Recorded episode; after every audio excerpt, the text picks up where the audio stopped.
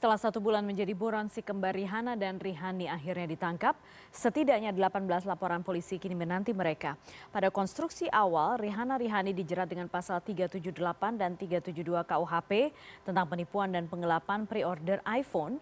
Nilai kerugian mencapai 35 miliar rupiah.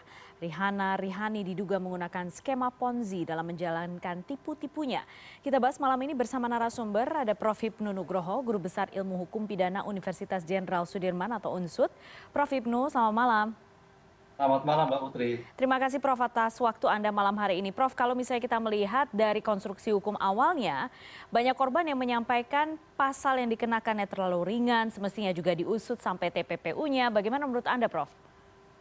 Ya, namanya suatu pengungkapan perkara itu adalah baru delik awal. Hmm. Jadi pertama memang pasal 78. Dari 78 tadi kemudian 378, 372. Dimungkinkan lagi begini, ini kan uh, modusnya itu tidak hanya sekali, tapi yeah. berkali-kali. Hmm. Dan membuat suatu pengecer. Oleh karena itu kemarin tadi uh, Baris Krim, uh, Polda menyatakan Pak itu ada pasal 64. 64 itu artinya suatu perbuatan berlanjut. Jadi tidak hanya sekali menipu, tapi berkali-kali menipu. Hmm. Nah, konsep berlanjut ini juga bagian dari suatu pemberatan, Pak. Satu. Kedua, dari konsep pemberatan tadi, pertanyaannya dari hasil itu untuk apa? Apa digunakan untuk kepentingan lain? Nah, kalau memang digunakan untuk kepentingan lain, dimungkinkan dengan adanya suatu TPPU. Hmm. Jadi sebetulnya tindak pidana lain itu setelah kita harus memastikan predikat kremnya dulu. Hmm. Ketika predikat kremnya terhadap penipuan, investasi bodong sudah terbukti, sekarang pertanyaannya asetnya ada di mana? Digunakan untuk apa? Siapa saja yang menerima? Nah, dari siapa digunakan baru masuk kualifikasi tidak pidana yang lain. Hmm. Di sinilah saya kira uh, penyidik baris krim ya runtut lah ya, runtut untuk melakukan suatu pengungkapan perkara. Karena begini Mbak, dalam suatu Eh, penentuan perkara terutama pasal itu juga aset uh, teori-teori pengungkapan insakling investment harus hati-hati yeah. karena ini memberikan kepastian bahwa seorang tersangka yang sudah akan kembali ditentukan menjadikan pasti. Kenapa pasti? Karena jangan sampai nanti penuntut umum berbeda pendapat hmm. sehingga perkara yang menjadikan meresahkan masyarakat itu terlalu panjang pelaporan sudah panjang, penyelesaiannya panjang. Itu jangan sampai hmm. pelaporannya panjang, tapi penyelesaiannya bisa cepat. Itu yang kita inginkan seperti itu. Betul, betul. Prof. Ibnu, kalau misalnya melihat kan setidaknya sekarang sudah ada 18 laporan polisi. Bagaimana sistem hukum, hukum kita selama ini, Prof? Dari kasus-kasus serupa yang ada menindaklanjuti hal-hal seperti ini.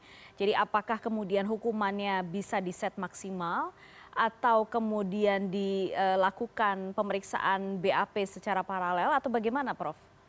dari ya, kasus-kasus serupa ya. Laporan itu kan deliknya sama. Ya. Jadi karena korbannya melaporkan. Jadi tidak ada tidak ada suatu dampak hmm. bahwa apa yang dilaporkan dari 18 orang itu sama.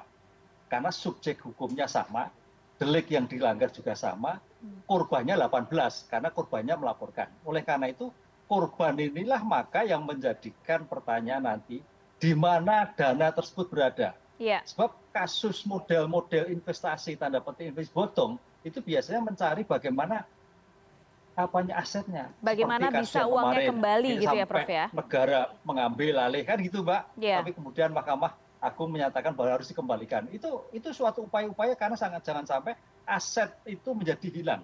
Hmm. Sehingga para korban tidak mendapatkan kembali haknya dari dana-dana yang sudah dikeluarkan. Ya. Ini tantangan bagi penegak hukum untuk menyatakan seperti itu. Jadi jangan sampai hanya orang, tapi juga aset-aset yang dikeluarkan 18 korban tadi. Iya, Prof, eh, kita tahu kita pernah belajar dari kasus penipuan travel umroh ya, dan itu ya. memang ada kesulitan dari pihak korban untuk bisa kembali mendapatkan uh, uang yang sudah disetorkan dan juga untuk sita asetnya juga cukup sulit di pengadilan. Nah, bagaimana sekarang dengan kasus ini, Prof? Uh, jika ini ada dari korban yang juga mendengarkan atau mengikuti wawancara ini, bagaimana memastikan bahwa uang mereka, uang korban bisa kembali? Ya, memang dalam suatu pengungkapan perkara untuk kembali utuh agak sulit. Hmm. Kalau kita bandingkan dengan umroh, ya nanti umroh korbannya terlalu banyak, Mbak. Hmm. Tapi kalau kalau yang sekarang kayaknya ya masih berkembang, tapi yang timbul hanya hitungan puluhan mudah mudahan tidak berkembang hanya puluhan oleh karena itu dari puluhan korban yang terjadi tadi paling tidak membuat suatu identifikasi hmm. bagaimana pengeluarannya, dana dana yang sebagainya, laporkan pada penyidik semua. Sehingga nanti penyidik ketika melakukan penyitaan aset itu bisa dikembalikan. Hmm. Ketika melakukan aset yang kemudian aset bergerak tidak dipindahkan. Ini memang kejar-kejaran, Mbak. Karena hmm. kayaknya si kembali juga licik ya gitu. Yeah. Sehingga jangan sampai aset-aset yang sudah dimiliki yang kemudian disita oleh uh, penyidik Polri bisa beralih. Hmm. Inilah tanggung jawab negara bagaimana penyelesaian perkara itu juga menghukum murahnya tetapi asetnya tetap selamatkan sehingga hmm. kembali pada korban-korban yang telah berjatuhan tadi. Hmm, perlukah menjerat mereka dengan perdata, Prof? Misalnya ada beberapa korban yang berencana untuk ke arah sana? Uh, perdata itu hak masing-masing, Mbak. Hmm. Tersendiri. Hmm. Jadi agak sulit juga. Sekarang pertanyaannya kalau si kembar nggak punya apa-apa bagaimana? Hmm. Perdata itu dimungkinkan kalau suatu perusahaan yang utuh, hmm. perusahaan yang invisible. Ini kan ibaratnya kan tanda petik penipu. Jadi sekaya nggak punya apa-apa. Kalau perusahaan itu resmi, kemudian ter, uh, ada suatu akte pendirian jelas masih bukan. Ini bukan perusahaan, Mbak yeah. Putri. Ini orang yang yeah. memang berprofesi sebagai penipu. Nah, hmm. Saya penipu itu sudah nggak ada apa-apanya. Inilah yang harus dilakukan. Makanya kecepatan seorang penegak hukum untuk melakukan aset dari tindak pidana yang dilakukan si kembar itu merupakan dalam rangka pemulihan korban-korban terhadap barang yang sudah disita untuk dikembalikan kepada masing-masing korban. Berarti yang ingin Anda sampaikan di sini kecepatan penyidik gitu ya, Prof, dan juga nanti ketepatan jaksa untuk menerapkan hukuman dan mengembangkan dan juga memastikan dakwaan itu kuat gitu ya, Prof? Iya, betul. Ya, karena ini merupakan suatu taruhan dan seperti halnya kalau kita Mbak Putri kasus seperti ini banyak ya sering terjadi. Hmm. Sering terjadi investasi bodong, kemudian juga jual beli bodong. Ini juga bagian pengalaman dari kita semua, Mbak. Hmm. Memang eranya era IT lah ya, tapi yeah. ternyata era IT digunakan yeah. sepertinya seperti itu. Sehingga uh, kepercayaan pada orang itu saya kira juga aspek legalistik formal sebagai bentuk tertulis harus dicek juga. Hmm. Jadi jangan sampai percaya pada rayuan-rayuan terkait dengan IT yang bersangkutan. Ini yang menjadi korban. Ini tampaknya uh, korban juga terlalu percaya hmm. sehingga tidak sampai melakukan verifikasi terhadap perusahaan atau PT yang bersangkutan sehingga dalam kondisi abal-abal ya akhirnya seperti ini gitu Pak. Hmm. Prof, uh, bagaimana caranya supaya kasus-kasus seperti ini tidak lagi muncul dan menjerat uh, lebih banyak korban. Mungkin pada saat kita bicara saat ini mungkin masih ada orang-orang lain di sana yang juga menjual skema-skema ponzi seperti ini dengan uh, bungkusan dan kemasan yang beragam gitu ya, Prof ya. Bagaimana yeah. caranya supaya tidak lebih banyak lagi korban yang jatuh dengan hal-hal seperti ini?